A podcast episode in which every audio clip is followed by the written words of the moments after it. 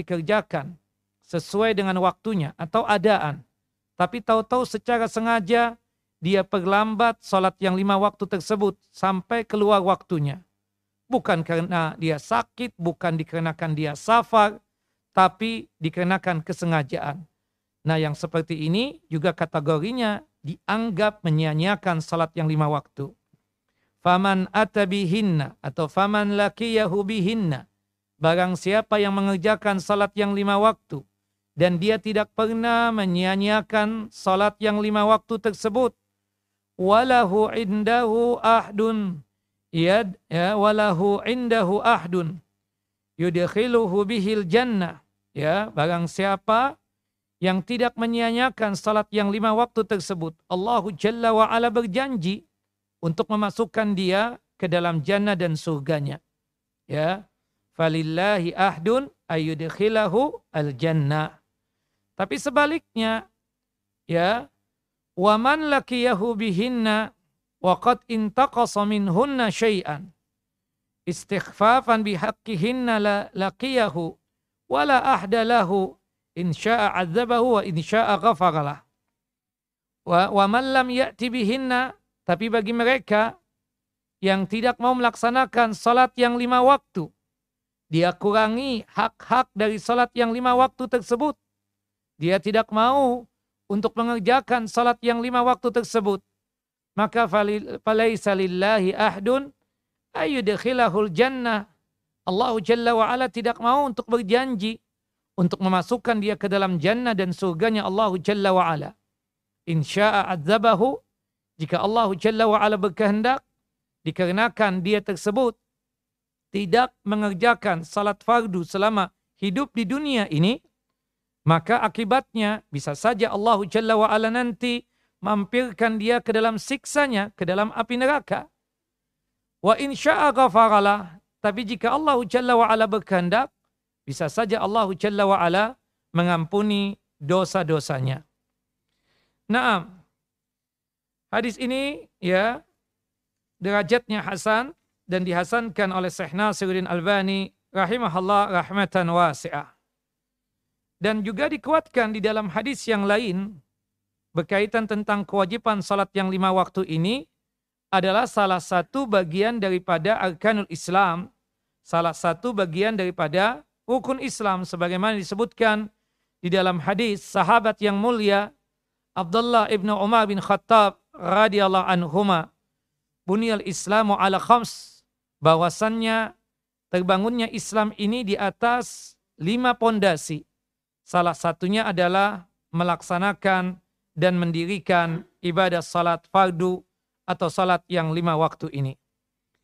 Nah ini ya beberapa hadis yang menjelaskan tentang kewajiban sholat yang lima waktu. Dan artinya haram buat kita ya untuk meninggalkan sholat fardu ini. Jika kita tidak bisa mengerjakan sholat yang lima waktu secara kiam, secara berdiri, karena memang asal mulanya melaksanakan ibadah sholat, baik itu sholat wajib ataupun sholat sunnah, itu dikerjakan dengan cara berdiri. Berdasarkan firman Allah Jalla wa Ala di dalam surah Al-Baqarah ayat 238 Hafizu ala salawati was salatil wusta wa qumu lillahi qanitin. Dan hendaknya kalian tersebut menjaga dan melaksanakan salat yang lima waktu ya. Termasuk di dalamnya adalah salatul wusta yaitu salatul asar. Dan ketika mengerjakannya tersebut betul-betul dalam kondisi tunduk dan patuh. Kata-kata disebutkan di sini wa qumu qanitin, kata-kata qumu itu terambil dari kata-kata qama yang artinya asal mula melaksanakan ibadah salat tersebut dalam kondisi berdiri. Naam, bahkan para ulama menjelaskan untuk salat wajib, salat fardu, jika kita sehat walafiat, mampu berdiri, kemudian kita kerjakan dengan cara duduk, maka salat kita tidak sah. Khusus untuk salat fardu, khusus untuk salat wajib. Karena or, apa al-qiyam berdiri melaksanakan ibadah salat bagi yang sehat, bagi yang mampu untuk berdiri, termasuk daripada arkanus salat berkaitan dengan salat fardu atau salat yang lima waktu. Tidak dengan salat sunnah. Bagusnya, utamanya, hatta salat sunnah pun kita kerjakan dengan cara berdiri. Tapi jika kita kuat berdiri, mampu berdiri, sehat walafiat secara fisik, mampu untuk melakukan ibadah salat secara berdiri. Tapi dia mengerjakan salat sunnahnya secara duduk, maka hukumnya apa? Sah salatnya. Hukumnya sah salatnya, tetapi pahalanya yang dia dapatkan adalah setengah. Kata Nabi kita Muhammad sallallahu alaihi wasallam dalam satu hadis yang sahih, salatul qaid nisbi salatil qaim. Salatnya orang yang duduk itu setengah pahalanya dibandingkan jika dia salat dalam kondisi berdiri. Digaris bawahi oleh para ulama dan pokoha ini berkaitan tentang salat sunnah, tidak dengan salat wajib. Nah, ketika kita tidak sanggup mengerjakan ibadah salat dalam kondisi berdiri, maka dengan cara duduk. Jika tidak sanggup juga, maka dengan cara ya berbaring. Sebagaimana disebutkan di dalam hadis yang sahih, hadis dari sahabat yang mulia Imran bin Husain radhiyallahu an. Imran bin Husain terkena penyakit wasir atau ambeien. Dia kemudian bertanya kepada Nabi SAW, Ya Rasulullah, Ya Nabi Allah, Kaifa usalli? Bagaimana aku salat? Kata Rasulullah, salli qa'iman. Jika engkau sanggup berdiri, maka kerjakan salat dalam kondisi berdiri. Fa illam tastati fa qa'idan. Jika antum, jika engkau tidak sanggup melaksanakan salat dalam kondisi berdiri dikarenakan sakit, maka salat dalam kondisi ya duduk. Fa illam tastati ala jambin. Kalau tidak sanggup juga dalam kondisi duduk, maka dengan kondisi berbaring. Nah, dari hadis-hadis tadi menjelaskan kondisi apa pun kita sehat ataupun sakit selama akal pikiran ini masih ada pada diri kita, masih sehat ya akal pikiran kita, maka wajib kita tersebut melaksanakan ibadah salat. Ya. Hatta kita sakit bagaimanapun, gak sanggup berdiri, duduk, gak sanggup mengerjakan dengan cara duduk karena sakit, dengan cara berbaring. Bahkan disebutkan dalam satu riwayat, jika sekiranya tubuh ini sudah tidak bisa digerak-gerakkan dikarenakan sakit stroke dan selainnya atau yang sejenisnya, dia cuma sekedar akal pikirannya saja yang jalan, maka salat dalam kondisi menghayalkan itu salat. Tetap wajib dia melaksanakan ibadah salat. Dan perlu diketahui ikhwan wa akhawati fid din, a'azani wa a'azakum Allah, syarat wajibnya untuk melaksanakan ibadah salat tersebut empat hal berikut ini. Yang pertama Islam. Ya, kita yang mengaku diri beragama Islam, Muslim, beriman kepada Allah, wajib untuk melaksanakan ibadah salat. Sebagaimana yang disebutkan di dalam surah At-Taubah, surah yang ke-9, ayat yang ke-18. Innama ya'muru masajidallah man amana billahi wal yaumil akhir. Sesungguhnya yang sanggup memakmurkan masjid-masjid Allah Jalla wa'ala adalah orang yang beriman kepada Allah dan beriman kepada hari akhir. Maksudnya orang muslim yang beriman kepada Allah Jalla wa'ala. Kafir, ya, dia tersebut, ya meskipun melaksanakan ibadah salat tidak dianggap. Karena syarat utama satu amalan dianggap soleh adalah ketika dia tersebut sudah menyatakan iman dan Islam. Makanya dalam surah yang sama yaitu surah At-Taubah ayat sebelumnya ayat 17 Allah Jalla wa ala mengatakan maka al musyrikina ayyamuru masajid Allah syahidina ala anfusihim bil kufur. Tidaklah mungkin orang-orang musyrik itu melaksanakan ibadah salat. Kenapa? Karena mereka itu yang mengakui dirinya sebagai orang yang kufur kepada Allah Jalla Jalaluh. Naam. Yang kedua, syarat wajibnya melaksanakan ibadah salat selain dia Islam adalah balik. Anak kecil, ya belum balik, belum ada beban untuk melaksanakan kewajiban ibadah salat. Tapi kita yang punya anak, bapak, ibu, diperintahkan untuk mengenalkan ibadah salat ini sedini mungkin sebelum dia balik. Ketika dia sudah balik, paham, mengerti bahwasanya salat yang lima waktu ini wajib atas mereka untuk mereka kerjakan. dalam hadis sahabat yang mulia Amr bin Su'aib an Abi an Jaddi qala qala Rasulullah sallallahu alaihi wasallam Rasulullah sallallahu alaihi wasallam bersabda muru auladakum bis salah wa hum abna'u sab'i sinin perintahkanlah anak-anak kalian untuk melaksanakan ibadah salat pada saat mereka tersebut berumur tujuh tahun. Tujuh tahun belum balik. Tapi kita sebagai orang tua mengenalkan tentang syariat ini. Dan paling tingginya berkaitan tentang masalah ibadah dan amalan adalah ibadah salat.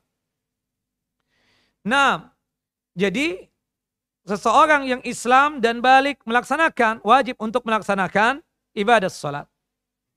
Yang, yang ketiga adalah berakal. Ya, di antara antum boleh meninggalkan ibadah salat. Ya, jika antum apa? Majnun, gila. Lawan daripada berakal. Ya.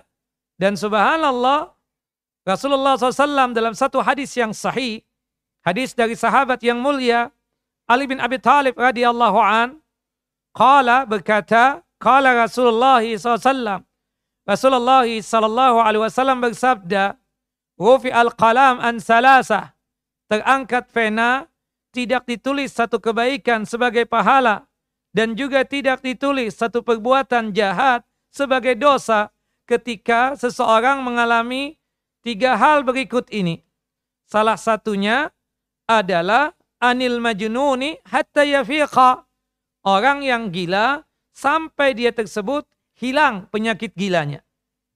Artinya ya orang yang majnun, orang yang gila ya itu tidak ada beban untuk menjalankan syariat.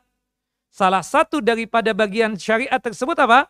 Mendirikan dan menegakkan serta melaksanakan ibadah salat. Nah termasuk sabihun bil majnun. Sama seperti orang yang gila siapa? Orang yang on and off. Kadang on, kadang off. Siapa? Pikun. Ya. Subhanallah. Kalau kita mendapatkan ada orang tua sudah tidak paham lagi tentang yang ada di sekitarnya. Jangankan tentang masalah sholat, tentang istrinya dia nggak ngerti. Istrinya siapa? Anak-anaknya siapa? Subhanallah. Nah ini orang yang sudah hilang akal sehatnya. Dulunya sehat, tapi sekarang sudah pikun. Nggak ngerti tentang apa yang terjadi di sekitarnya. Apalagi berkaitan tentang masalah apa? Ibadah sholat. Nah ketika kita mendapatkan ada orang yang sudah pikun, berarti statusnya itu sama seperti apa? Orang gila. Dan orang gila wajib nggak melaksanakan ibadah sholat? Tentu tidak. Dan kita tidak perlu memaksa-maksa dia untuk ayo sholat bersama kita. Kan seperti itu. Karena dia juga nggak ngerti keadaan dia suci atau tidak dari hadas atau dari najis. Kemudian tentang masalah sholat. Ini sholat zuhur atau sholat asar. Enggak ngerti. Makanya berkaitan tentang hadis. Innamal a'malu bin niyat. Itu berkaitan tentang seseorang yang ahlu apa? Yang ahlul akal yang artinya memiliki akal. Sedangkan orang majnun itu itu tidak punya niat. Makanya orang gila kalau kita kita suruh apa pun dia mau saja kan? Kita suruh ketawa, ketawa. Ya, kita suruh nangis, nangis. Kita suruh joget, joget tuh orang gila. Karena memang nggak ada pikirannya, nggak nggak ada niatnya. Dan kalau dia melakukan satu perbuatan baik pun tidak ternilai sebagai pahala. Kalau toh dia melakukan perbuatan kejahatan sekalipun, tidak ternilai sebagai apa? Dosa. Jangankan hukum syariat, hukum internasional saja, dia itu dihukumi enggak? Ya, tidak. Ya kan ada kasus ya perempuan gila diperkosa. Kemudian dia hamil kan? Berapa tahun yang lalu kan pernah kejadian begitu. Siapa yang memperkosa enggak ada yang tahu. Kemudian subhanallah dia melahirkan anak. Dia pikir siapa? Dia bunuh tuh bayinya. Gila tuh perempuan. Kemudian ketika diajukan ke pengadilan sekalipun, dia nggak ngerti apa yang dia lakukan. Karena majnuna sebagai perempuan yang gila. Maka tidaklah apa kita katakan tidak seperti hukum yang terjadi dengan orang yang berakal. Nah maka oleh sebab itu orang yang gila, orang yang majnun, ya itu tidak ada beban untuk melaksanakan ya kewajiban syariat ini termasuk melaksanakan ibadah sholat. Termasuk tadi saya katakan sama seperti statusnya seperti orang yang gila adalah apa? Orang yang pikun. Nah, termasuk juga yang disamakan juga nih secara hukum fikihnya adalah orang yang pingsan. Orang yang pingsan. Cuma perbedaannya dengan orang yang pikun, kalau orang yang pingsan tersebut, kalau pingsannya cuma satu hari, dia wajib untuk apa? Mengkodok sholat. Kita kalau sholat sesuai dengan waktunya nih, ya seperti maghrib dari munculnya syafak merah sampai nanti tenggelamnya syafak merah. Itu waktu maghrib. Itu kalau kita mengerjakan sholat maghrib di waktunya namanya adaan. Tapi kalau misalnya kita kelewatan ya waktu pelaksanaan sholat maghrib tersebut itu namanya kodoan. Seperti sholat subuh misalnya. Itu waktunya kan dari terbit fajar as-sadiq. Ketika bintang mengeluarkan cahaya warna kemerah-merahan. Dan berakhirnya waktu subuh itu ketika terbitnya matahari. Ya, ketika kita melaksanakan salat subuh sesuai dengan waktunya tadi, itu disebutnya adaan. Eh Allah hari itu kita terlambat bangunnya. Ya, sudah syuruk, sudah duha baru kita bangun. Ya, tetap mengerjakan salat tidak? tetap mengerjakan salat kata Nabi SAW dalam hadis Anas bin Malik radhiyallahu an man nama an salatin falyusalliha idza qama. Barang siapa yang tertidur akan salatnya maka salatlah ketika dia terbangun. Nah bangun dia sudah habis waktu salat subuh Ustaz. Benar. Tapi namanya bukan adaan lagi. Namanya apa qadaan seperti itu nah nah jadi kita katakan kalau orang yang pingsan tadi ketika dia pingsan kan karena pingsan nggak ada beban untuk melaksanakan kewajiban sholat dan dianggap seperti orang yang hilang akal seperti majnun. Tapi ketika dia sudah siuman dari pingsannya, dia wajib untuk mengkodok sholat. Para ulama sepakat jika sekiranya dia tersebut pingsannya satu hari, maka sholatnya wajib untuk dikodok. Misalnya pingsannya dari sebelum zuhur, sadarnya siumannya ketika di waktu Isya berarti tiga sholat yang dia kodok. Yaitu sholat zuhur, sholat asar, dan sholat maghrib. Seperti itu. Naam, seperti orang yang dioperasi juga. Dipingsankan.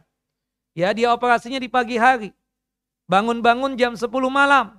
Ya, Nah ketika dia sudah tersadarkan, akal sehat sudah kembali, maka dia wajib untuk apa? Mengkodok salat. Yang menjadi perdebatan di kalangan para ulama, jika pingsannya lewat satu hari, apakah dia tersebut dianggap seperti orang yang pingsan, yang dianggapnya itu seperti orang yang hilang akal? Ya, ataukah kalau orang pingsannya itu lewat daripada satu hari disebut sebagai orang yang koma dan orang yang koma itu itu mirip dengan orang yang mayit, orang yang meninggal dunia. Nah, ada perdebatan. Kalau lewat satu hari. Nah, tapi pendapat yang rajih jika sekiranya komanya atau ya anggaplah pingsannya kita katakan tiga hari karena kalau pingsan itu kalau lewat satu hari bukan pingsan ya itu dianggapnya apa? Koma. Nah berarti kita mengambil pendapat mayoritas ulama. Jika sekiranya komanya tersebut tiga hari dan dia sadar pas di hari yang ketiga dia wajib untuk mengkodok sholat. Tapi lewat daripada tiga hari maka dia dianggap seperti orang yang meninggal maka dia tidak perlu untuk mengkodok sholat misalnya dia koma satu bulan. Pernahkah antum mendapatkan kasus? Ada orang yang koma satu bulan. Apakah dia wajib untuk mengkodok salat selama satu bulan? Pendapat yang wajib tidak. Bahwasanya dia dianggap seperti orang yang sudah meninggal dunia. Nah ini tambahan ilmu fikihnya ya. Tentu ada ustadznya di sini yang membahas masalah fikih. Karena berhubung masalah salat, kita menjelaskan secara apa zubdah ya, secara secuil dari ilmu tentang masalah ibadah salat ini. Nah, Taib. Kemudian yang terakhir khusus wanita selain dia muslimah, selain dia tersebut balighah, selain dia tersebut e, berakal akilah, tambah satu lagi khusus untuk wanita adalah at-taharatu minal haid wan nifas. Suci daripada haid dan nifas. Karena perempuan haid dan nifas itu ada enam larangan. Salah satunya seorang perempuan yang haid dan nifas tidak boleh untuk melaksanakan ibadah salat. Baik itu salat wajib ataupun salat ya sunnah. Hatta itu salat jenazah. Allah takdirnya ketika suaminya meninggal dunia, si perempuan tersebut lagi haid. Boleh nggak dia mensolatkan jenazah suaminya? Tidak boleh. Berdasarkan hadis dari Ibunda Aisyah radhiyallahu anha. Dia memohon meminta kepada ustaz-ustaz untuk terakhir kalinya. Begini aja deh ibu. Ibu nanti kalau suci baru ibu salatkan jenazahnya. Kan sudah dikubur ustaz. Iya benar. Nanti ibu datang ke kuburannya, salatkan jenazah suami ibu di kuburan beliau. Ya. Kan tidak boleh salat di kuburan. Ibu, yang tidak boleh salat di kuburan itu salat yang ada ruku dan sujudnya. Dan semua salat ada ruku dan sujudnya. Kecuali salat apa? Salat jenazah. Salat jenazah kan cuma empat kali takbir saja. Pertama, membaca ta'awud dan al-fatihah. Takbir yang kedua, membaca salawat Nabi. Takbir yang ketiga, doa sepanjang-panjangnya. Takbir yang keempat, boleh doa, boleh tidak. Kalau kita ingin baca doa, doanya berikut ini. Allahumma la tahrimna ajarahu wa la tubtinna ba'dahu. Kemudian salam. Subhanallah. Dalilnya apa? Rasulullah pernah melakukan itu. Ketika ada seorang perempuan yang biasa bersih-bersih masjid meninggal dunia. Rasulullah tidak tahu. Pagi harinya baru tahu si fulana sudah meninggal dunia. Kemudian Rasulullah meminta para sahabat untuk mengantarkan ya beliau ke kuburan itu wanita. Kemudian apa yang dilakukan oleh Nabi di kuburan itu wanita? Rasulullah melakukan salat jenazah untuk ya perempuan tersebut, untuk mayit perempuan tersebut. Dan itu dikuatkan lagi dengan perbuatan Ibunda Aisyah ketika abang beliau yang bernama Abdurrahman meninggal dunia. Wallahu alam apa alasannya sampai beliau tidak menyolatkan jenazah Abdurrahman? Apakah karena ada halangan atau mungkin tidak satu tempat? Wallahu alam. Yang jelas Ibunda Aisyah mensempatkan diri mampir ke kuburannya Abdurrahman untuk apa? Untuk menyolatkan jenazahnya Abdurrahman. Nah di sini ada poin yang penting ibu-ibu jika sekiranya memang kadar Allah, kita lagi haid, kemudian kerabat kita meninggal dunia, ya, entah suami, entah orang tua, entah saudara, ya, entah keponakan dan lain sebagainya meninggal dunia, berhubung ibu lagi dapat, lagi halangan, maka tidak boleh untuk sholat, termasuk sholat jenazah sekalipun. Wallahu a'lamu bisawab. Nah, nah ini kewajiban ya bagi orang yang Islam bagi orang yang ya apa balik, bagi orang yang berakal dan khusus wanita tambah satu lagi, jika dia tersebut suci dari haid dan nifas, maka wajib untuk melaksanakan ibadah salat. Kalau dia tidak melaksanakan, dosa besar. Nah, para ulama berdebat tentang orang yang tidak melaksanakan ibadah salat tersebut. Ya, apa hukumnya? Disebutkan oleh para ulama berkaitan tentang pembahasan ini ya hukum tarikus salah hukum bagi orang yang meninggalkan salat fardu. Kata para ulama tarikus salati lahu halatan. Orang yang meninggalkan salat fardu itu keadaannya ada dua. Imma an yatrukaha jahidan li fardiyatiha munkiran liwujubiha. Yang pertama keadaannya dia meninggalkan salat fardu dikarenakan mengingkari tentang kewajiban salat yang lima waktu. Dia menganggap bahwasannya salat yang lima waktu ini tidak wajib. Dan dia ingkari secara jelas lagi nyata. Itu keadaan yang pertama. Keadaan yang kedua, wa imma an yatrukaha tahawunan wa kaslan wa huwa muqirrun biwujubiha alaihi. Keadaan yang kedua, orang yang meninggalkan salat fardu dikarenakan melalaikan, dikarenakan malas. Tapi dalam keyakinan dia, salat yang lima waktu itu hukumnya wajib. Antum nggak salat nih, kenapa? Ah malas deh.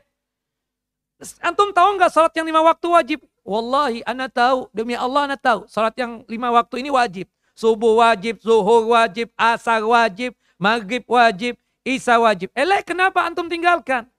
Lagi, aduh, lagi malas deh. Kadang begitu kan? Atau dia melalaikan aja. Banyak kan di keluarga muslim yang begitu. Subhanallah, suami istri lagi. Ya, terlambat salat subuh. Ya, kita lihat, kok nggak sholat ya mereka ini?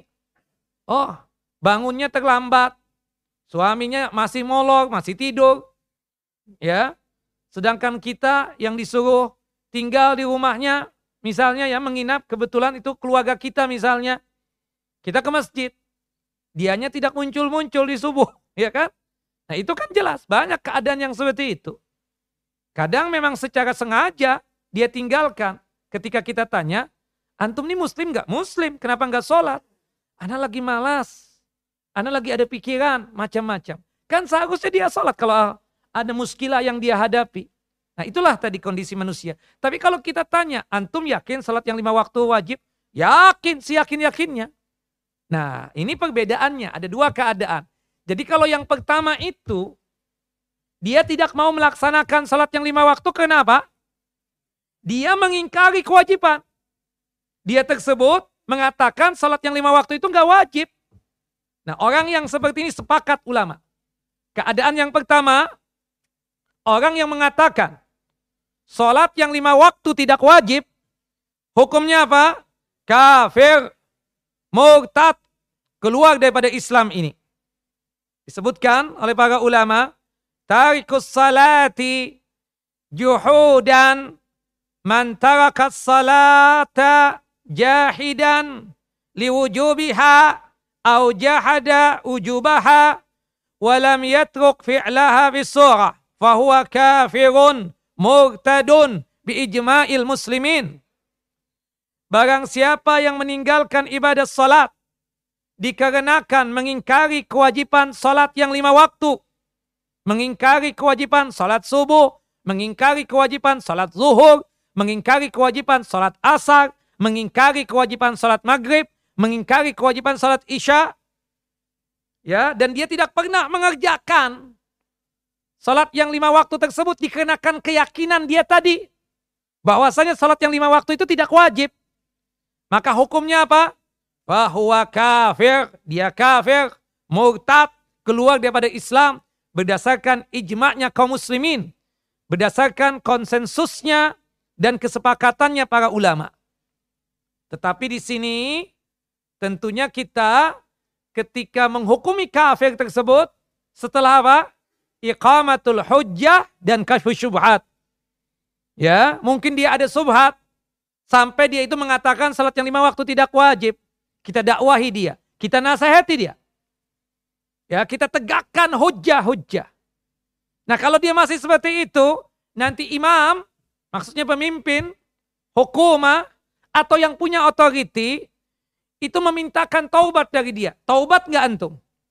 Antum nggak sholat karena keyakinan antum bahwasanya sholat yang lima waktu ini tidak wajib. Taubat, taubatan nasuha. Fa intaba, kalau sekian dia bertaubat, selesai. Tidak dihukumi apa-apa.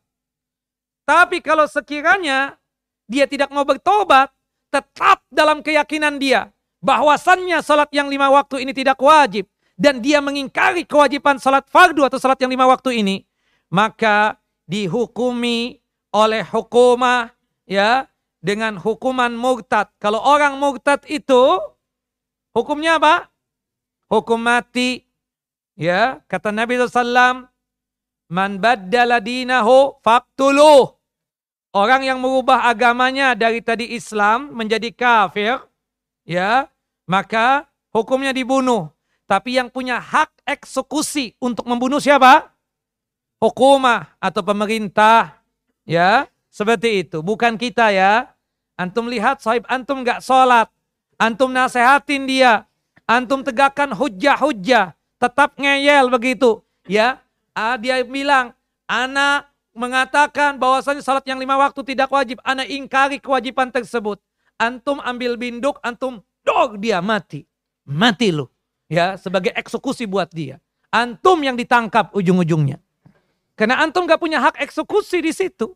Ya, antum tebas lehernya karena dia nggak sholat misalnya. Kenapa antum tebas lehernya? Ustaz mengingkari kewajiban sholat lima waktu Ustaz. Ana udah memintakan taubat dari dia. Ana suruh dia untuk kembali kepada Islam. Untuk melaksanakan ibadah sholat. Tapi tetap ngeyel. Tetap dia mengatakan sholat yang lima waktu ini tidak wajib. Ya sudah, Ana ambil pedang, Ana tebas lehernya Ustaz. Nggak boleh antum. Sekali lagi, yang punya hak eksekusi siapa? Ulil amri, pemerintah kita katakan, bukan kita ya. Seperti itu. Naam, ya termasuk ya orang yang mencuri. Ketangkap basah. Tentu mana pedang, mana pedang. Ya kan? Ngapain pak? Kita mau potong tangannya. Gak boleh pak. Yang punya hak eksekusi siapa? Ulil amri, pemerintah seperti itu.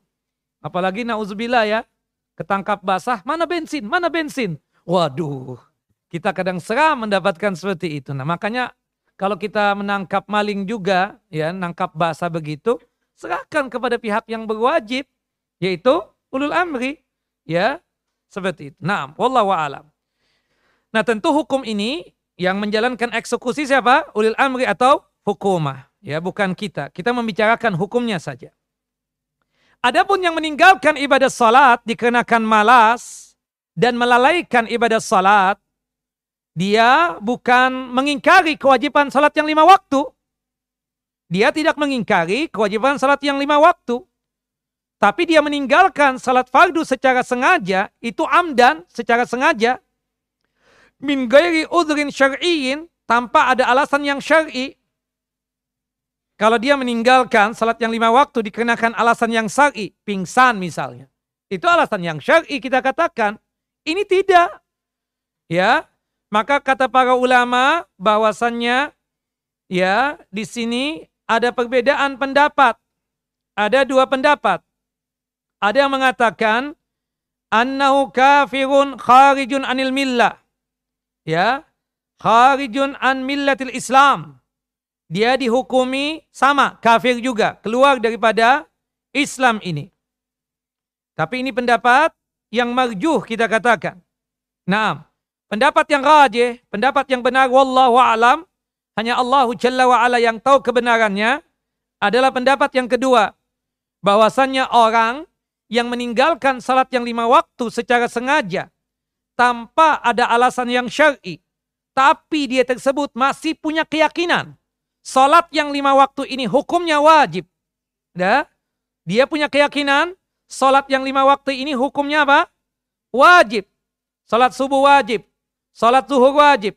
Salat asar wajib. Salat maghrib wajib. Salat isya wajib. Cuma dikenakan malasnya dia, dia lalaikan salat yang lima waktu. Tidak mau melaksanakan ibadah salat lima waktu. Maka hukumnya apa dia?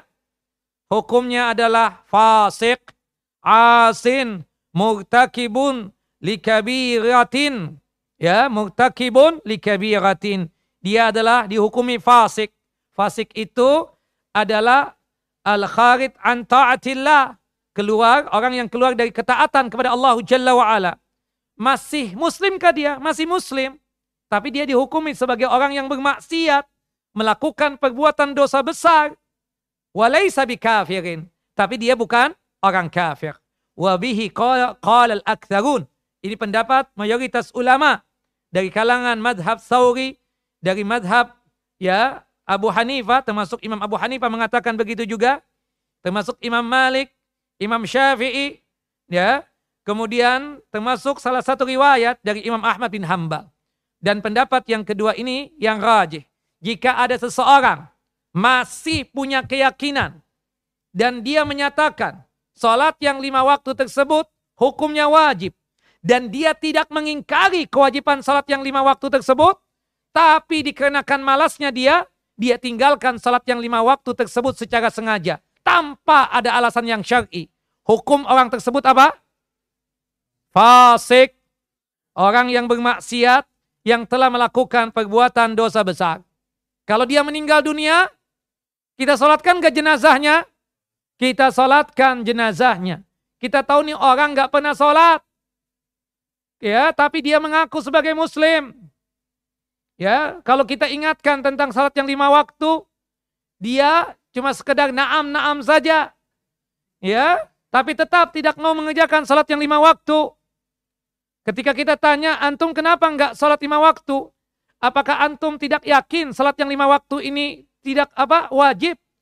Apakah antum ini punya keyakinan salat yang lima waktu ini tidak wajib? Kata dia tidak, anak yakin. Salat yang lima waktu ini hukumnya wajib.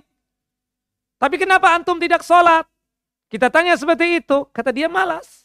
Selesai. Atau ada alasan yang lain lah. Macam-macam manusia tersebut. Tapi dia, ya, tetap punya keyakinan. Sholat yang lima waktu, hukumnya wajib. Meninggal dunia misalnya itu orang. Kita sholatkan ke jenazahnya, kita sholatkan. Kata Nabi SAW, Sallu man qala la ilaha illallah.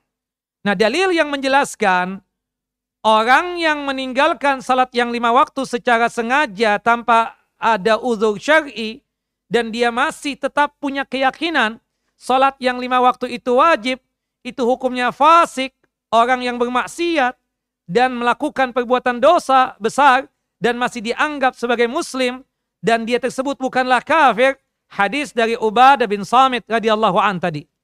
Ya, hadis Ubadah bin Samit di ujungnya kan Rasulullah mengatakan insya'a adzabahu wa insya'a ghafaralah. Jika Allah Jalla wa ala berkehendak, bisa saja akibat dari dia meninggalkan salat fardu, tidak mau melaksanakan salat yang lima waktu, Allah Jalla wa ala masukkan dia ke dalam siksa api neraka. Tapi tidak kekal abadi. Kalau dia masih ada iman, ujungnya dia akan masuk apa? Masuk surga. Yang kekal abadi cuma apa? Cuma satu apa kekufuran dan kesyirikan dan itu pun syirik besar. Dan itu adalah syirik besar. Nah, sedangkan ini kita katakan ya kalau toh misalnya dia mampir ke dalam siksa api neraka tidak kekal abadi. Tapi ada ancaman yang keras tadi. Yang meninggalkan salat yang lima waktu tersebut dia dosa besar. Bahkan dia tersebut telah melakukan perbuatan paling besarnya dosa besar setelah kesyirikan ya setelah kesyirikan. Bahkan dia tersebut telah melakukan perbuatan dosa besar yang melebihi dosa membunuh. Melebihi dosa membunuh seperti itu. Nah, maka oleh sebab itu dengan hadis ini mengatakan insya azabahu wa insya ghafaralah. Jika Allah berkehendak akibat dia ketika di dunia meninggalkan salat yang lima waktu bisa saja Allah Jalla wa ala mampirkan dia ke dalam siksa api neraka. Wa insya'a. Tapi jika Allah Jalla wa'ala berkehendak, bisa saja Allah Jalla wa'ala mengampuni dosa-dosanya. Naam ya. Nah itu hukumnya. Tapi yang jelas ibadah salat ini luar biasa ya. Tayyib. Banyak sekali di sini dalil-dalil yang menjelaskan tentang ancaman bagi mereka yang meninggalkan salat yang lima waktu. Salah satunya di dalam surah Maryam, surah yang ke-19 ayat 59 sampai ayat 60. Fakhalafa min ba'dihim khalfun adha'us salah wattaba'us syahawat fasawfa yalqauna ghayya. Nanti akan datang satu kaum yang suka menyia-nyiakan ibadah salat dan suka ya mengikuti syahwatnya, dia akan mendapatkan kehinaan dan kesesatan. Ya, ancamannya luar biasa. Bahkan disebutkan dalam surah Al-Maun ayat 4 sampai ayat yang ketujuh. Fawailul lil musallin. Ya, celakalah orang yang melaksanakan orang yang salat. Maksudnya di sini adalah orang yang meninggalkan ibadat salat. Kok bisa celaka? Padahal ibadah salat ibadah yang sangat luar biasa. Di antara sebabnya alladzina hum an salatim sahun bahwasannya ada di antara yang melakukan ibadah salat tadi. Dia lalaikan ibadah salat tersebut. Dia lalaikan. Kenapa dia celaka? Dikarenakan dia melalaikan ibadah salat. Melalaikan tadi, menyanyiakan, ada berapa tadi? Ada tiga. Yang pertama, meninggalkan ibadah sholat. Yang kedua, kadang mengerjakan, kadang tidak mengerjakan. Atau Dia mengerjakan, tapi sudah habis waktunya dan tidak ada alasan yang syar'i. Atau bisa jadi dia tersebut celaka. Dia sholat, tapi kok bisa celaka? Kenapa? Ternyata alladzina hum yura'un. Salat yang dia laksanakan ria. Ya, dia tersebut melaksanakan ibadah salat sekedar show off untuk dipuji oleh manusia. Nauzubillah min zalik. Nah, fawailul musallin ancaman bagi orang yang meninggalkan ibadah salat. Wail itu adalah nama bukit yang ada di dalam jahanam, di dalam neraka. Nama bukit atau nama lembah. Jadi ancamannya yang meninggalkan ibadah salat masuk ke dalam siksa api neraka. Dan itu disebutkan dalam surah Al-Mudazzir ayat 42 sampai 43. Masalakakum fi saqar. Eh kenapa kok kalian ini pakai mampir ke dalam neraka sakar? Apa yang kalian lakukan dulu ketika di dunia? Qalu lam naku minal musallin. Dulu kami ketika di dunia tidak pernah melaksanakan ibadah salat. Artinya, orang yang meninggalkan salat fardu secara sengaja, ancamannya adalah siksa api neraka. Neraka khususnya namanya sakar. Dan di dalam neraka sakar ada lembah namanya wail. Seperti itu. Wallahu alam. Dan kita tahu ibadah salat ini adalah pembeda ya antara seseorang tersebut muslim ya atau kita katakan dengan ibadah salat itu ciri khasnya orang muslim. Kalau orang melaksanakan ibadah salat berarti dia telah melaksanakan ciri khasnya orang muslim tersebut. Orang yang beriman. Tapi kalau misalnya dia meninggalkan ibadah salat, maka ciri khasnya orang mukmin tersebut dia tidak jalankan. Ciri khasnya orang Islam tersebut dia tidak jalankan. Wallahu a'lam bissawab. Wassallallahu Muhammad wa ala ali Muhammad Kama sallaita ala Ibrahim wa ala ali Ibrahim innaka Hamidul Majid. Ya, kita lanjutkan nanti setelah salat Isya. Assalamualaikum warahmatullahi wabarakatuh. الله أكبر الله أكبر الله أكبر الله أكبر أشهد أن لا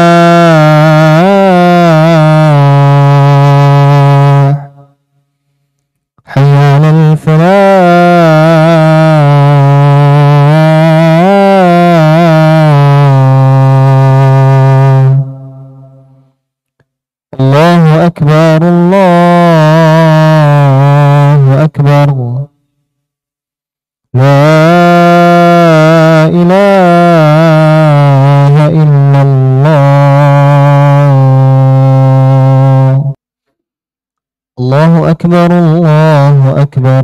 أشهد أن لا إله إلا الله.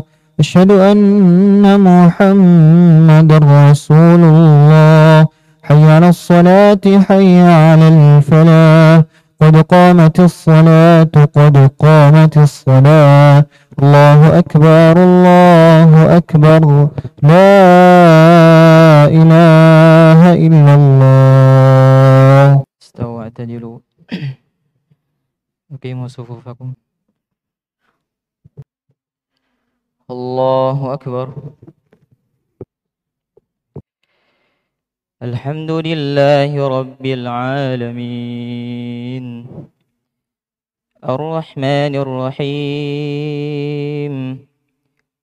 مالك يوم الدين إياك نعبد وإياك نستعين. اهدنا الصراط المستقيم. صراط الذين أنعمت عليهم. غير المغضوب عليهم ولا الضالين.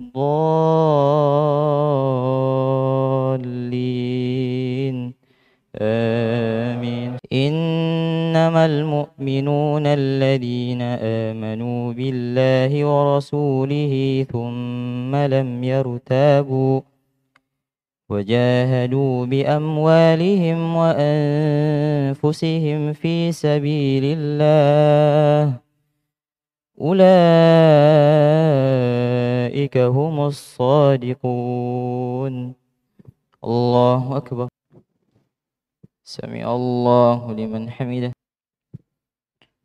الله أكبر. الله أكبر. الله أكبر. الله أكبر. الحمد لله رب العالمين. الرحمن الرحيم. مالك يوم الدين. إياك نعبد وإياك نستعين. اهدنا الصراط المستقيم. صراط الذين أنعمت عليهم غير المغضوب عليهم ولا الضالين. آمين. قل هو الله أحد الله الصمد لم يلد ولم يولد ولم يكن له كفوا أحد الله أكبر سمع الله لمن حمده الله أكبر الله أكبر الله أكبر الله أكبر الله أكبر الله أكبر. سمع الله لمن حمده. الله أكبر. الله أكبر. الله أكبر. الله أكبر. الله أكبر. سمع الله لمن حمده. الله أكبر. الله أكبر. الله أكبر الله أكبر السلام عليكم ورحمة الله السلام عليكم ورحمة الله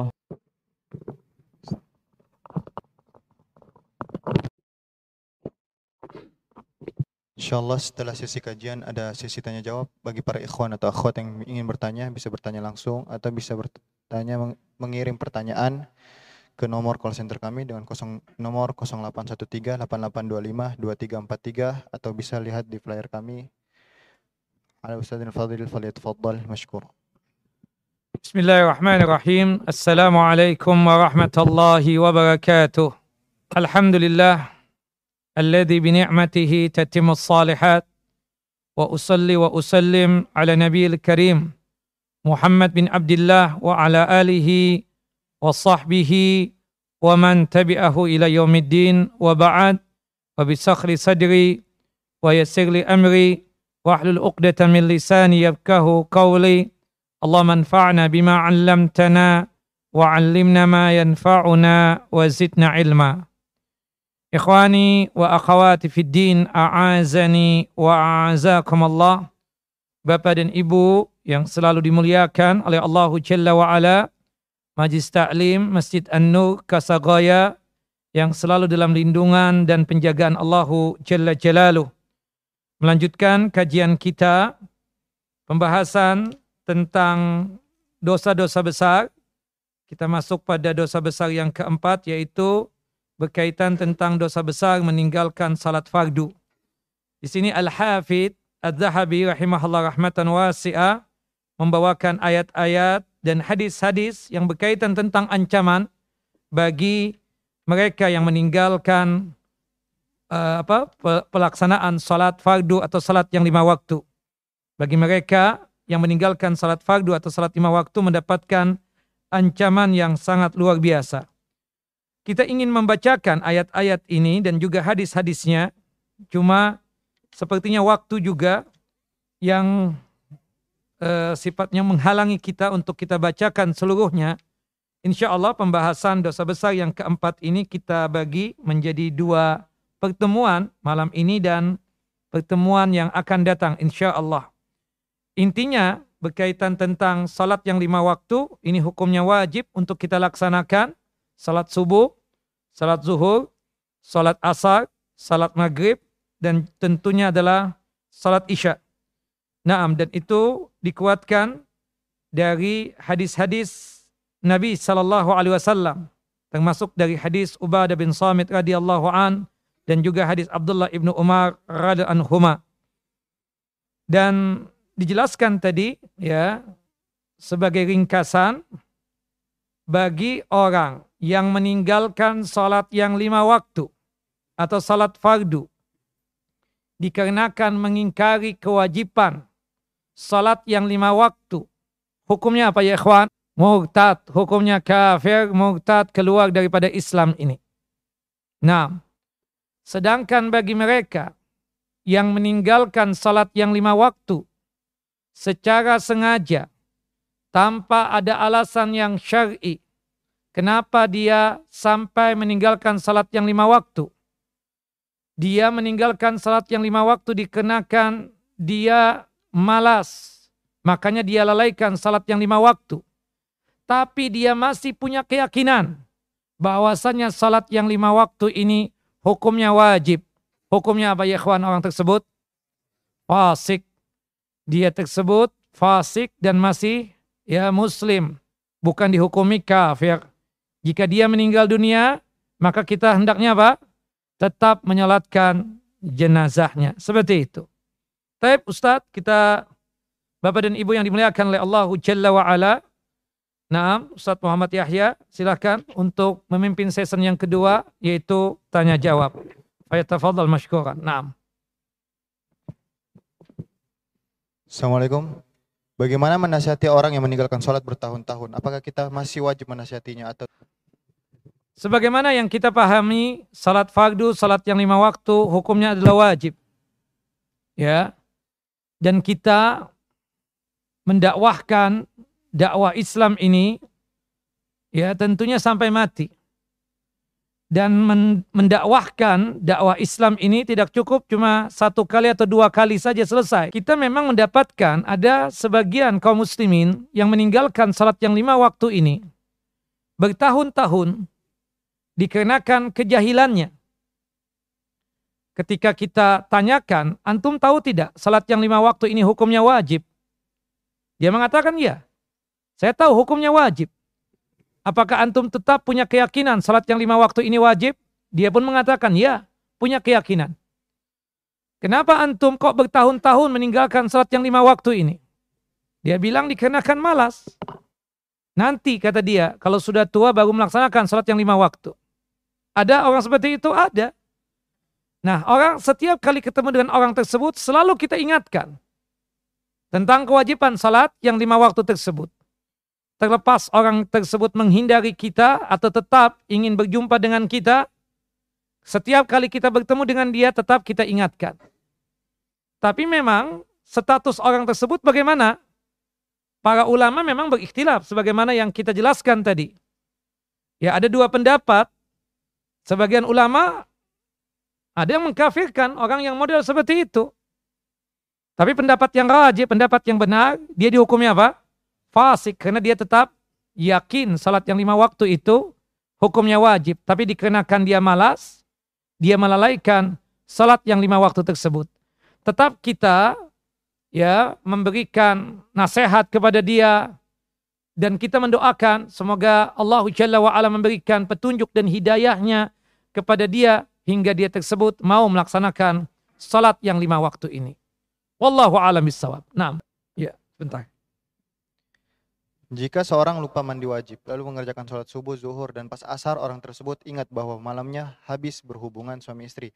Apakah sholat tersebut sah, Ustaz? Dan jika tidak sah, bagaimana sholat orang tersebut? Di zaman Nabi SAW pernah ada kejadian, ada seorang sahabat Nabi melakukan hubungan intim dengan istrinya. Setelah melakukan hubungan intim dengan istrinya, dia langsung tidur. Boleh tidak kalau kita habis melakukan hubungan intim, kita langsung istirahat, langsung tidur. Karena biasanya kalau habis mengeluarkan air mani, kita capek dan lelah. Boleh tidak? Boleh. Ya, wajibnya kita mandi itu kalau mau melaksanakan ibadah sholat. Abdolnya langsung mandi. Tapi jika dia tidak bisa mandi, maka boleh diganti dengan membersihkan kubulnya dan berwudu. Baru dia tidur. Tapi wudhu dia tersebut bukanlah membersihkan hadas besarnya. Karena hadas besar disucikan, dibersihkan dengan cara apa? Mandi. Tapi kalau sekiranya memang sudah capek banget habis melakukan itu, tidak bisa lagi ke kamar mandi, ya, hatta untuk membersihkan kubulnya, hatta untuk berwudu. Dia sudah malas banget, langsung tidur boleh tidak? Boleh, dan itu yang dilakukan oleh sahabat ini. Bangun-bangun menjelang subuh. Kadar Allah namanya manusia, dia lupa. Tadi malam melakukan hubungan intim. Dia cuma mengambil air wudhu untuk melaksanakan salat subuh. Zuhur, asar, maghrib, isya juga begitu. Dulu kenapa Nabi kita Muhammad SAW mengatakan guslul jum'ah wajibun ala kulli muhtalimin. Mandi hari Jumat itu wajib bagi mereka yang sudah balik. Karena pada saat itu kondisi ya, keadaan kurang air, rata-rata mereka tersebut apa? Jarang mandi. Nah kemungkinan besar sahabat ini apa? Tidak mandi. Sehingga membuat dia lupa akan tadi malam melakukan hubungan intim. Ingat-ingat setelah sholat isya. Percis seperti sekarang ini. Dia datang kepada Nabi Sallallahu Alaihi Wasallam. Kemudian mengatakan, Ya Rasulullah halaktu. Wahai Rasulullah binasa aku, mati aku. Kata Nabi, ma'ahlakaka. Apa yang mengakibatkan engkau mati binasa? Subhanallah sahabat Nabi, kalau sudah merasa salah itu, seperti langit runtuh. Seperti dia mau mati saja sudah. Subhanallah, itulah sahabat Nabi. Ya, Ridwan Allah ajma'in. Ya. Kemudian sahabat itu mengatakan, Ya Rasulullah nasi tu an guslil janabah. Aku lupa mandi junub. Sejak kapan kata Nabi? sejak tadi pagi. Subuh, zuhur, asar, maghrib, isya. Aku sholat dalam kondisi hadas besar. Sekarang baru ingat ya Rasulullah. Gimana sholat yang lima waktu yang aku kerjakan hari ini? Kata Nabi, iktasil al-an. Engkau mandi sekarang, kemudian habis mandi, ya, engkau sholat lagi. Ulangi sholat yang lima waktu tersebut sekarang ini. Kenapa? Karena kondisinya dia apa? Hadas. Beda dengan najis. Ya. Kalau najis, misalnya nih pakaian kita ada najis, kita lupa. Baik kita tadi kencing di pakaian kita ini. Namanya bayi laki-laki dan dia baru makan ASI, air susu ibu, tidak makan apa-apa. Itu baunya nggak terlalu menyengat, bahkan bisa hilang. Kita lupa, ini pakaian tadi dikencingi, ya anak kita, bayi kita yang laki-laki. Kita bawa sholat. Setelah selesai sholat maghrib, setelah selesai sholat isya, setelah sholat isya tepatnya, baru dia astagfirullah. Ini kan pakaian ada najisnya. Diulangi nggak sholat maghribnya? Diulangi nggak sholat isyanya? Tidak. Berdasarkan hadis dari Abu Sa'id Al-Khudri radhiyallahu an. Ketika Nabi sholat zuhur memakai sandal yang ada najisnya. Ketika di rakaat yang ketiga Rasulullah lepas. Sahabat ikut-ikutan lepas. Setelah selesai sholat, kenapa antum lepas? Wahai sahabatku. Ya, ra'ainak. Khalaqta ni'alak. Kami melihat antum melepas sandal, fakhalaqnaha. Kami maka lepas juga, jangan-jangan ini syariat. Makanya kami ikut. Subhanallah taatnya sahabat Nabi SAW. Kata Nabi, enggak. Tadi waktu sholat Jibril datang. Ya. Pak akhbarani anna fi na'li adha. Kemudian Jibril menghabarkan di sandalku ada kotorannya, ada najisnya. Makanya aku lepas. Nah jika sekiranya wajib diulangi, pas waktu rakaat yang kedua itu Rasulullah batalkan sholatnya. Mengulangi dari awal lagi. Di sini menunjukkan jika kita lupa di pakaian kita ada najis, atau mungkin di sajadah ini ada najis, lupa ya marbutnya untuk mencuci, imamnya sholat, Ya, subhanallah mencium ada sesuatu. Tapi dikarenakan dia husnudhan dengan magbut bahwasannya ini mungkin nggak ada apa-apa. Suci. Selesai sholat, kemudian dia melapor kepada petugas. Ya, yang ada di masjid ini. Ini kayaknya karpet bau ya. Bukan, oh iya, bekas dikencingi oleh kucing misalnya. Ya, kencing kucing najis nggak? Pendapat yang rajih najis. Ya, karena Binatang yang haram dimakan dagingnya. Subhanallah, diulangi nggak sholatnya? Baru tahu setelah apa? Setelah selesai sholat, tidak perlu diulangi. Tapi kalau hadas, antum lupa mandi, lupa wudhu, ya, maka wajib untuk diulangi sholatnya. Termasuk kasus teman kita ini, Masya Allah ini ajib nih kasus ya kan?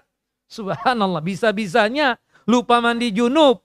Subhanallah. Tapi memang di zaman Nabi pernah terjadi yang seperti itu. Cuma kan Dulu kan kewajaran karena apa? Sedikit air, maka dia lupa. Tapi kalau ini tiap kali kan mandi, ya subhanallah, subuh dia kan pasti mandi atau paling tidak sebelum bekerja dia mandi. Tapi ala kulihal, namanya manusia, al-insan. Manusia dikatakan insan dikenal linisiani karena dia lupa. Maka yang dia lakukan apa tadi? Salat subuh, salat zuhur dan asar ya, baru ingat setelah Salat asar berarti dia mengulangi berapa salat? Tiga salat. Ya, mengkodoknya. Di waktu kapan? Di waktu asar tersebut. Wallahu alam ketika dia ingat. Dalam hadis Anas bin Malik radhiyallahu an, hadis yang dikeluarkan oleh Al Imam Al Bukhari dan Muslim, ya, man nasya an salatin falyusalliha idza dzakaraha wala kafarata illa dzalika. Barang siapa yang lupa akan salatnya termasuk lupa ya, lupa mandi hadas besar lupa mandi untuk membersihkan junub. Lupa mandi untuk membersihkan hadas besar. Maka sholatlah dia ketika apa? Dia ingat. Tidak ada kafara, tidak ada tebusannya dosanya kecuali itu saja. Wallahu a'lam bissawab. Naam. Beliau dulu silakan. Uzur. Iya. Iya, uzur juga. Antum misalnya dekat di sini nih, hujan lebat. Meskipun begitu. Karena salah satunya ketika terjadi hujan lebat di zaman dulu juga ada payung kita katakan. Tapi kan tidak di, diumumkan di masjid, ayo bawa payung ke masjid kan seperti itu. Jadi uzur, ya uzur mungkin tanahnya becek kita nggak tahu. Seperti itu yang jelas hujan lebat termasuk uzur. Nah banyaklah uzur itu kan. Ada yang sifatnya umum, ada yang sifatnya khusus kita katakan. Nanti tanyakan sama Ustadz fikih di sini. Ada nggak? Udah ya? Ada ya Ustadz? Nah seperti itu. Jadi itu termasuk uzur ya. Rasulullah mengatakan apa? Memerintahkan muadzinnya untuk apa? Sallu fi rihalikum ketika hujan lebat waktu itu kan seperti itu. Nah, wallahu a'lam bisawab. Nah, salah. Iya. Iya. Tapi baca bisa dong. Baca bahasa Indonesia nggak bisa? Tapi akalnya sehat. Kalau itu kan lain, itu di luar. Itu di luar sholat, bukan rukun-rukunnya ya yang antum sebut tadi itu bukan tuh ya. Kalau isbal itu di luar sholat dalam sholat jangan isbal kan begitu ya. Al-Fatihah hafal? Antum ajarkan hafalan. Insya Allah bisa. Kalau nggak bisa juga dia dianggap seperti mu'allab. Bacanya apa? Subhanallah walhamdulillah wala ilaha illallah wallahu akbar. Tapi itu bagi mu'allab ya. Para mu'allab wajib untuk menghafal. 60 masih muda dong. Maksudnya 60 itu kalau 190 mungkin antum bisa ngomong begitu. Insya Allah masih bisa atas bimbingan antum. Iya dong diajarkan, bisalah. Saya ajib ini, enggak hatta bahasa Indonesia enggak bisa. Oh enggak maksud saya, dia bisa tulisan tulisan tulisan Latin bisa. Nah, oh pikun dong. Walhasil saya sarankan antum yang dekat dengan dia membimbing dia. Itu yang pertama. Yang kedua semampu antum dan dia pun juga semampu dia. Ya berusaha untuk menghafalkan surah Al-Fatihah terutama. Ya. Kecuali kalau di awal-awal boleh subhanallah walhamdulillah wala ilaha illallah wallahu akbar itu. Tapi itu tidak seterusnya begitu. Dia kudu hafalkan. Makanya bagi mu'allab kalau sekiranya dia ingin baca Al-Fatihah, belum hafal misalnya, boleh dengan dia membawa tulisan. Bawa apa? Tulisan. Makanya kata antum tadi nggak bisa membaca. Saya nggak tahu zaman sekarang. Ya dulu kan nggak ikut paket A apa paket D gitu apa paket C dulu kan seperti itu loh. Rasa tidak mungkin. Dia menikah kan pak?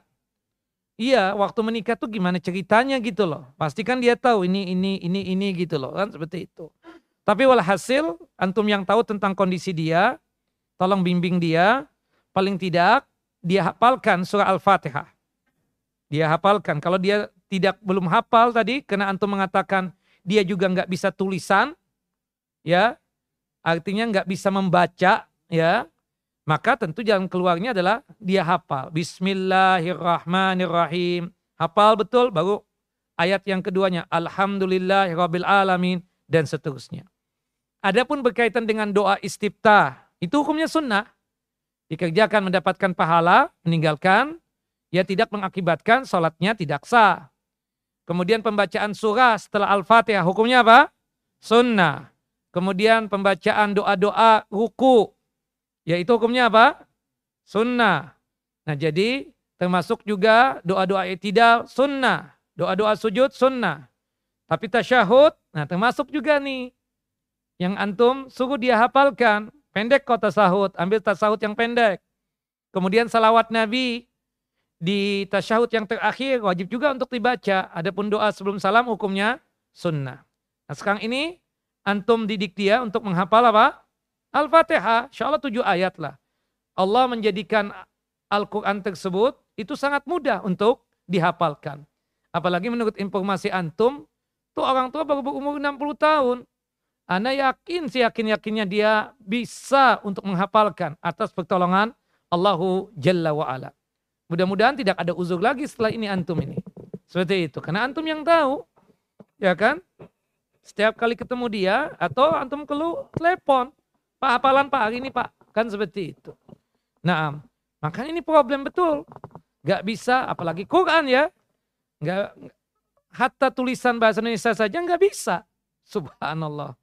Semoga Allah Jalla wa'ala menjauhkan kita dari kejahilan dan kebodohan. Wallahu a'lam. Nah, amin ya rabbal alamin. Baik. Mana yang lebih utama? Salat Isya di awal waktu Jika sekiranya kita bisa berkumpul berjamaah di akhir malam, maksudnya salat Isya itu kan waktunya dari hilangnya syafaq merah sampai terbitnya Fajar As-Sadiq. Fajar As-Sadiq itu bintang yang mengeluarkan cahaya warna kemerah-merahan sebagai tanda waktu subuh telah tiba. Tapi waktu Isya itu terbagi menjadi dua. Ada waktu yang afdol untuk kita kerjakan salat Isya itu dimulai dari awal waktu sampai tengah malam ya sampai tengah malam, anggaplah jam 12. Kemudian ada waktu yang mabdul, masih boleh sholat isya, tapi tidak abdul lagi, yaitu setelah apa? Tengah malam sampai menjelang subuh. Seperti itu. Nah, bahkan para ulama mengatakan yang setelah setengah malam itu kalau darurat saja itu untuk mengerjakan sholat isyanya. Artinya kesimpulannya, kalau Masjid An-Nur Kasagaya buka pintu untuk sholat di tengah malam, anggaplah jam 11 atau jam 12, dan pada jamaah pada hadir, kita mengerjakan sholat isanya berjamaah, abdol, utama.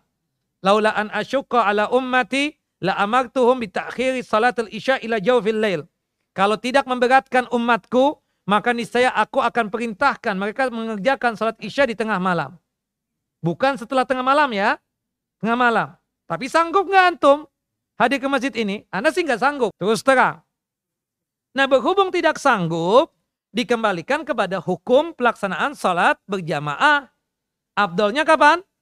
Di awal waktu berdasarkan hadis dari sahabat yang mulia Abdullah ibnu Mas'udin radhiyallahu an ketika bertanya kepada Nabi SAW, Ya Rasulullah, ayul a'mali ahabbu ilallah. Wahai Rasulullah, amalan apa yang paling dicinta dan paling disuka oleh Allah Jalla wa'ala? Dalam riwayat yang lain, ya Rasulullah, ayul a'mali abdal, amalan apa yang paling utama, yang banyak pahalanya? Qala Rasulullah as-salatu ala waktiha. Salat di awal waktu. Nah kita sudah membuktikan, kita nggak sanggup. Apalagi ada orang-orang yang tua. Ada lagi orang-orang yang memang kondisinya besoknya kerja. Terasa nggak mungkin seperti itu. Jadi kalau antum, saat sih tengah malam, tapi antum sendirian. Nggak mungkin itu, sendirian. Dan setahu ana wallahu alam, Rasulullah pernah mengerjakan, mengakhirkan sholat berjamaah isya itu, itu cuma dua kali. Ya di, di akhir malam itu, maksudnya di tengah malam, ya itu cuma dua kali. Rasulullah itu kan sebagai imam melihat kondisi. Kalau kumpul jamaah di masjid, Rasulullah segerakan sholat isya.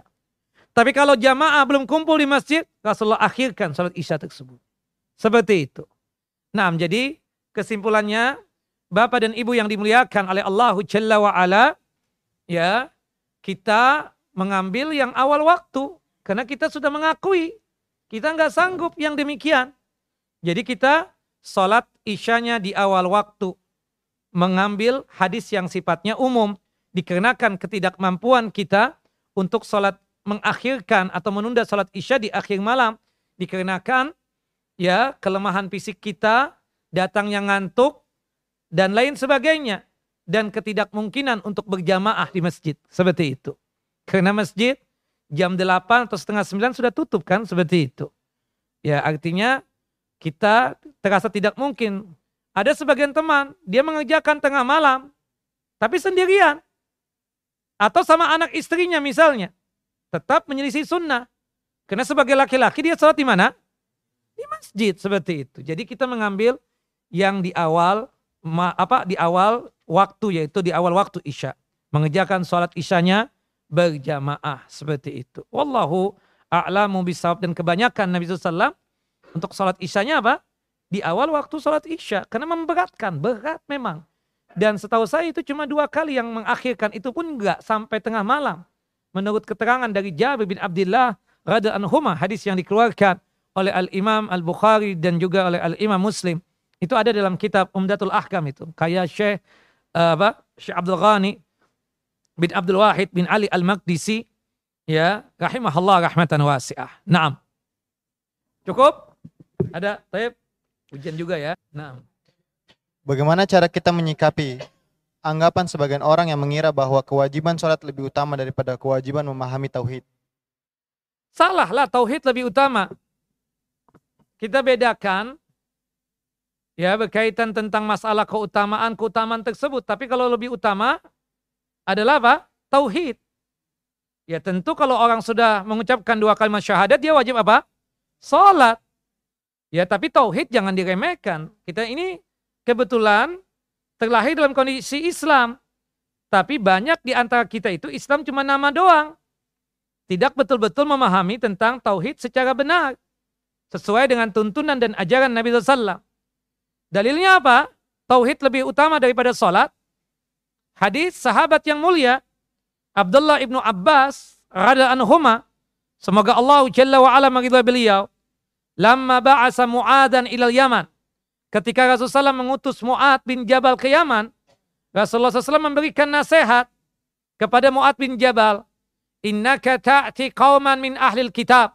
Wahai Mu'az sesungguhnya engkau akan mendatangi ahlul kitab, yaitu Yahudi dan Nasrani. Ya, penduduk Yaman pada saat itu mayoritasnya beragama Yahudi dan Nasrani. Kemudian Rasulullah mengatakan apa? Falyakun awwala ma tad'uhum syahadatu alla ilaha illallah. Hendaknya dakwah yang pertama kali yang engkau terapkan adalah dakwah apa? Tauhid. Wa fi riwayah ayu wahidallah. Ya, Fa inhum ata'uka lidzalik jika mereka menerima dakwah tauhid ini maka fa'alimhum annallaha abtarada alaihim khamsa salawatin fi kulli yaumin wa lailatin. Infokan kepada mereka, ajarkan kepada mereka bahwasanya Allah Jalla Jalalu mewajibkan salat yang lima waktu yang dikerjakan sehari semalam. Nah dari hadis ini Bapak dan Ibu yang dimuliakan oleh Allah Jalla wa'ala tentu tauhid lebih utama ya ketimbang ibadah salat dan pengajaran kita kita dahulukan adalah tentang masalah tauhid. Kalau sekiranya di suatu masjid itu ada dua kajian, maka yang pertamanya itu adalah tauhid, yang keduanya adalah berkaitan tentang masalah ibadat salat. Nah, seperti itu. Tapi tauhid lebih utama. Kenapa? Karena ibadah salat kita itu menjadi percuma ketika tauhidnya tidak ada. Misalnya dia salat. Ini ustadzmu, Masya Allah, getol banget ngajarkan tentang salat. Tapi audiennya, muridnya, santrinya nggak pernah diajarkan tauhid. Ujung-ujungnya muridnya, santrinya melakukan perbuatan syirik. Dan syiriknya syirik besar lagi. Dia sholat, tapi bersamaan dengan itu, dia datang ke kuburan. Cari wangsit, bertawasul dengan ahli kubur, berdoa dengan ahli kubur. Percuma sholatnya, bukan begitu? Tidak ada nilai pahalanya di sisi Allah Jalla wa'ala. Gugur pahala sholatnya, dikarenakan dia melakukan perbuatan syirik besar tadi. Nah maka oleh sebab itu, tauhid kita ajarkan dan belajar tauhid ini sampai mati. Ya, mendakwahkan dakwah tauhid ini sampai mati. Ya, jangan bosan-bosan seperti itu. Ya. Sampai ada ustadz buku usul salasa itu kan kecil ya. Buku kecil itu. Tipis. Di masjid yang sama sudah selesai, dia ulangi lagi. Kenapa? Karena merasa muridnya itu belum paham. Dia ulangi sampai paham. Untuk apa Ustadz? Mengkokohkan tauhid dia. Nah, seperti itu. Jadi, mantapkan tauhid. Kalau tauhid kita mantap, maka insya Allah keimanan kita bertambah. Kalau keimanan kita bertambah, maka insya Allah amal soleh kita juga bertambah. Wabil khususnya apa? Ibadah salat kita. Nah, wallahu a'lam. Ya Bapak. Nah, kalau kita sholat, itu yang datang ke dukun, peramal paranormal. Ya, kalau datang ke dukun, peramal paranormal dan antum yakin tentang apa yang dipatwakan oleh dukun, antum praktekkan instruksinya dukun, itu dia tersebut kufur terhadap apa-apa yang diturunkan oleh Allah Jalla wa'ala kepada Nabi Muhammad SAW. Kufur terhadap Quran, kufur terhadap sunnah dan syariat. Nah, tapi ada di antara teman ini iseng, pingin tahu benar tuh dukun. Dia datang nih, subhanallah, Ah, entum datang ke dukun iya nemanin bos tat. Antum temanin bos antum ke dukun iya. Antum dengar juga patuanya dukun. Dengar stat. Cuma iseng doang, gak enak sama bos. Nah itu, salatnya selama 40 hari, 40 malam tidak diterima oleh Allah Jalla wa'ala. Maksud antum kan, sudah percuma juga salat. Tapi bagus nggak salat kan begitu? Bukan begitu, antum taubat. Taubatan nasuha, jangan pakai matematikanya antum. Taubat, taubatan nasuha itu kan ancaman supaya kita ini jangan datang ke dukun, jangan datang ke paranormal, ya kan? Bukan berarti ah sama aja 40 hari 40 malam ya nggak diterima juga karena habis datang ke dukun tadi. Nggak begitu, antum langsung taubat dan Allah Jalla wa ala Maha Pengampun. Allah Jalla wa ala Rahim, Maha penerima taubat ya akhi. Ya dan Maha sayang. Ya, itu kan sebagai ancaman, tapi tetap keputusannya apa? Di tangan Allah Jalla wa ala. Dengan antum bertaubat, Allah Jalla wa ala akan menerima taubat antum. Inna Allah yakbal taubat al-abdi malam yugargir. Sesungguhnya Allah Jalla wa ala selalu menerima taubatnya seorang hamba selama ruh masih dikandung badan. Ya kan? Seperti itu. Taubat ketika antum cuma iseng ke sana, ya Allah Ustaz, iseng Ustaz. 40 hari, 40 malam, salat antum nggak diterima. Pantasan. Si pulang ke mana pak? Gak datang. Kata dia habis dari dukun. 40 hari, 40 hari malam. Subhanallah. Gak begitu. Antum langsung taubat tetap sholat. Insya Allah kalau antum taubatan nasuha diterima oleh Allah Jalla wa'ala. Mudah-mudahan itu terhapuskan semuanya. Bukan begitu? Kalau orang sudah taubat, maka insya Allah dihapuskan dosa-dosa dia. Termasuk yang datang ke dukun tadi. Asal taubatnya, taubatan nasuha. Cukup ya? Ada yang lain? Silakan. Dua lagi ya. Kesian pada pada ju pada lapar. Mau makan malam. Emang ada makanan di sini? Gak nyinggung ya enggak? Taib. Bagaimana jika kita sedang sholat sendiri di masjid kemudian ada jamaah lain menepuk dan menjadi makmum kita, tapi posisinya di sebelah kiri kita. Bagaimana cara kita memperbaiki posisi makmum tersebut? Ini fikih ya, harusnya ke Ustadz fikih ini pertanyaan. Allah kulihal, kita jawab. Ya, bolehkah seseorang berjamaah tapi antara imam dengan makmum berbeda niat. Imamnya sholat sunnah, makmumnya sholat wajib. Atau kebalikannya, imamnya wajib, ya makmumnya sunnah. Secara hukum tidak mengapa yang demikian, berdasarkan hadis dari sahabat yang mulia Jabir bin Abdullah tentang ceritanya Mu'ad bin Jabal dan hadis dari sahabat yang mulia Yazid bin Aswad radhiyallahu an. Jika sekiranya kita lagi sholat sunnah ba'diyah isya, tahu-tahu ada teman yang menghampiri kita, ingin berjamaah dengan kita, maka tidak mengapa kita merubah niat yang tadinya sholat sendirian, kemudian menjadi imam sholat. Tapi anak sunnah ustad, sedangkan dia wajib. Ikhtilafun niyah bainal imam wal makmum la ba'sabi. Perbedaan niat antara imam dengan makmum tidak mengapa. Teruskan sholatnya. Antum dua rakaat bak dia, dia tinggal mensempurnakan nanti ketika antum sudah salam. Jelas ya? Tidak perlu antum kasih kode. Kan ada yang begitu. Dia sudah berada di mepet dengan kita, di samping kanan kita. Eh ternyata si Fulan nggak paham. Dia berada di samping kiri kita. Ya, sebagaimana dilakukan oleh Nabi kepada sahabat yang mulia Abdullah bin Abbas. Waktu itu kan Abdullah bin Abbas masih kecil. Dia pegang kepalanya kan? Ya, Abdullah bin Abbas itu ketika Nabi meninggal, dia baru balik. Antara umur 11 12 tahun. Berarti kan kenapa Rasulullah pegang kepalanya Abdullah bin Abbas? Karena kecil. Ya, kita anak kecil ada kan tuh. Pegang terus ditarik gini. Sambung sini, detakkan di sebelah kanan. Itu kasus yang pertama. Nah, tapi ketika kasusnya Jabir bin Abdullah berada di sebelah kiri juga. Rasulullah pegang tangannya. Dituntun Jabir hingga berada di sebelah kanannya Nabi Sallallahu Alaihi Wasallam. Nah, jadi antum pegang tangannya tersebut. Tapi ternyata Ustadz, ketika saya pegang tangannya, dia tepuk tangan anak. Dipikir dia anak gay kali ya kan seperti itu. Ya sudah pak, gak usah pakai tepuk-tepukan lagi. Kan ada orang tepuk-tepuk lagi sama dia. Berantem akhirnya nggak jadi sholat.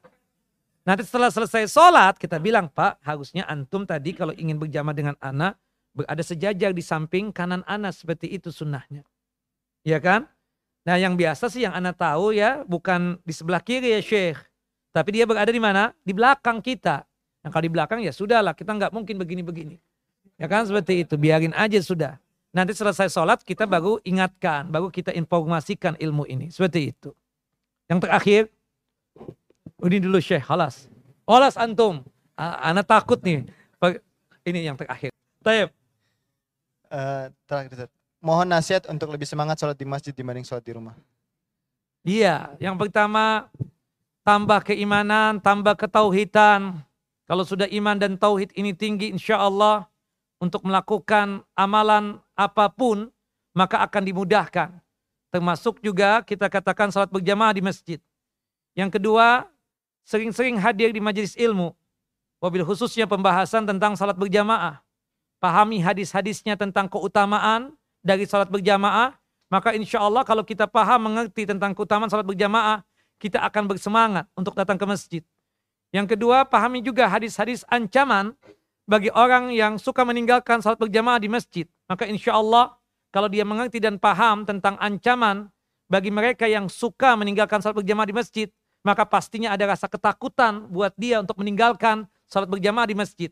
Dan insya Allah sebab itu dia akan bersemangat datang ke masjid. Seperti itu. Terakhir. Allah Iya, iya. Makanya rajin-rajin datang ke Masjid An-Nur Kosagaya. Anda baru lihat antum nih. Sini banyak ustadz. Ya. Iya kalau kita lagi sholat ngasihkan isyarat dengan tangan seperti.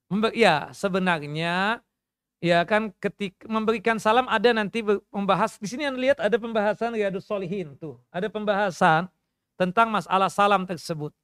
Ya ketika memang kita kadang nggak tahu kan teman kita itu lagi sholat ataukah lagi tidak sholat. Tahu-tahu antum main langsung mengucapkan salam. Ketika antum memang memberikan salam, ya kita memberikan isyarat dengan tangan kita. Sebagaimana yang terjadi pada Nabi SAW.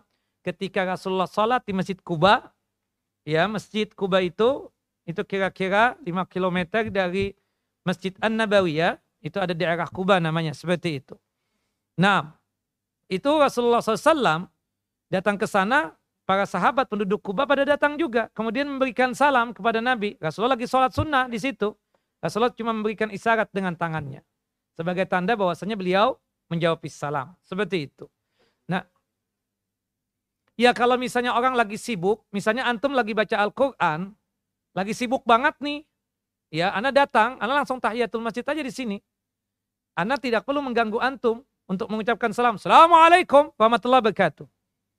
Ya kan? Atau orang lagi sibuk zikir, hukumnya makruh kalau kita mengucapkan salam kepada dia. Seperti itu. Kalau kecuali kalau kita ada hajat, antum lagi asyik baca Quran karena ada, anak ada perlu banget sama antum, anak ya mengucapkan salam sebelum menyampaikan hajat anak seperti itu. Tapi kalau antum lagi sibuk misalnya untuk membaca Al-Quran, maka kita tidak dianjurkan untuk memberikan salam. Seperti orang sibuk zikir. Termasuk juga kita katakan, Ustadz lagi asyik ceramah nih. Kan ada teman kadang datang. Ustadz, Assalamualaikum warahmatullahi wabarakatuh. Kita mau nggak mau jawabin dong, Waalaikumsalam warahmatullahi wabarakatuh. Bukan begitu? Seharusnya teman yang baru datang itu, dia duduk di pinggiran sana, dia mengucapkan salam dengan satu orang yang ada di sampingnya. Assalamualaikum Pak. Waalaikumsalam. Itu udah mewakili itu Ustadz, mewakili jamaah semua. Bukan dia langsung menunjukkan keakrapannya dia dengan Ustadz itu, kan begitu. Ya, ini kesalahan. Banyak terjadi di antara teman-teman seperti itu. Jadi, kalau orang lagi sibuk atau lagi orang sibuk berduaan di situ, dia lagi ngobrol hebat. Kita nggak perlu mendekat. Assalamualaikum Pak. Kita ganggu dia lagi asyik ngobrol. Enggak. Jadi kan kewajibannya itu kalau ketemu. Idza laqitahu fasallim alaih. Kalau antum bertemu dengan seseorang muslim, saudara antum, maka berikanlah salam kepadanya. Seperti itu. Jelas? Nantilah pembahasan khusus tentang salam. Itu panjang. Gak cukup cuma lima menit. Dua jam kali ya insya Allah. Nanti insya Allah. Pas Ramadan kita bahas. Ya, datang ya. Insya Allah. Barakallahu fikum ya ikhwan. Wa akhawat kedalik. Nah. Wassalam Nabi Muhammad wa ala ali Muhammad. Kama salaita ala Ibrahim wa ala ali Ibrahim. Innaka hamidun majid. Allahumma barik ala Muhammad wa ala ali Muhammad. Kama barakta ala Ibrahim wa ala ali Ibrahim. Innaka hamidun Subhanakallahumma bihamdika asyhadu an la ilaha illa anta astaghfiruka wa atubu ilaik. Wassalamualaikum warahmatullahi wabarakatuh.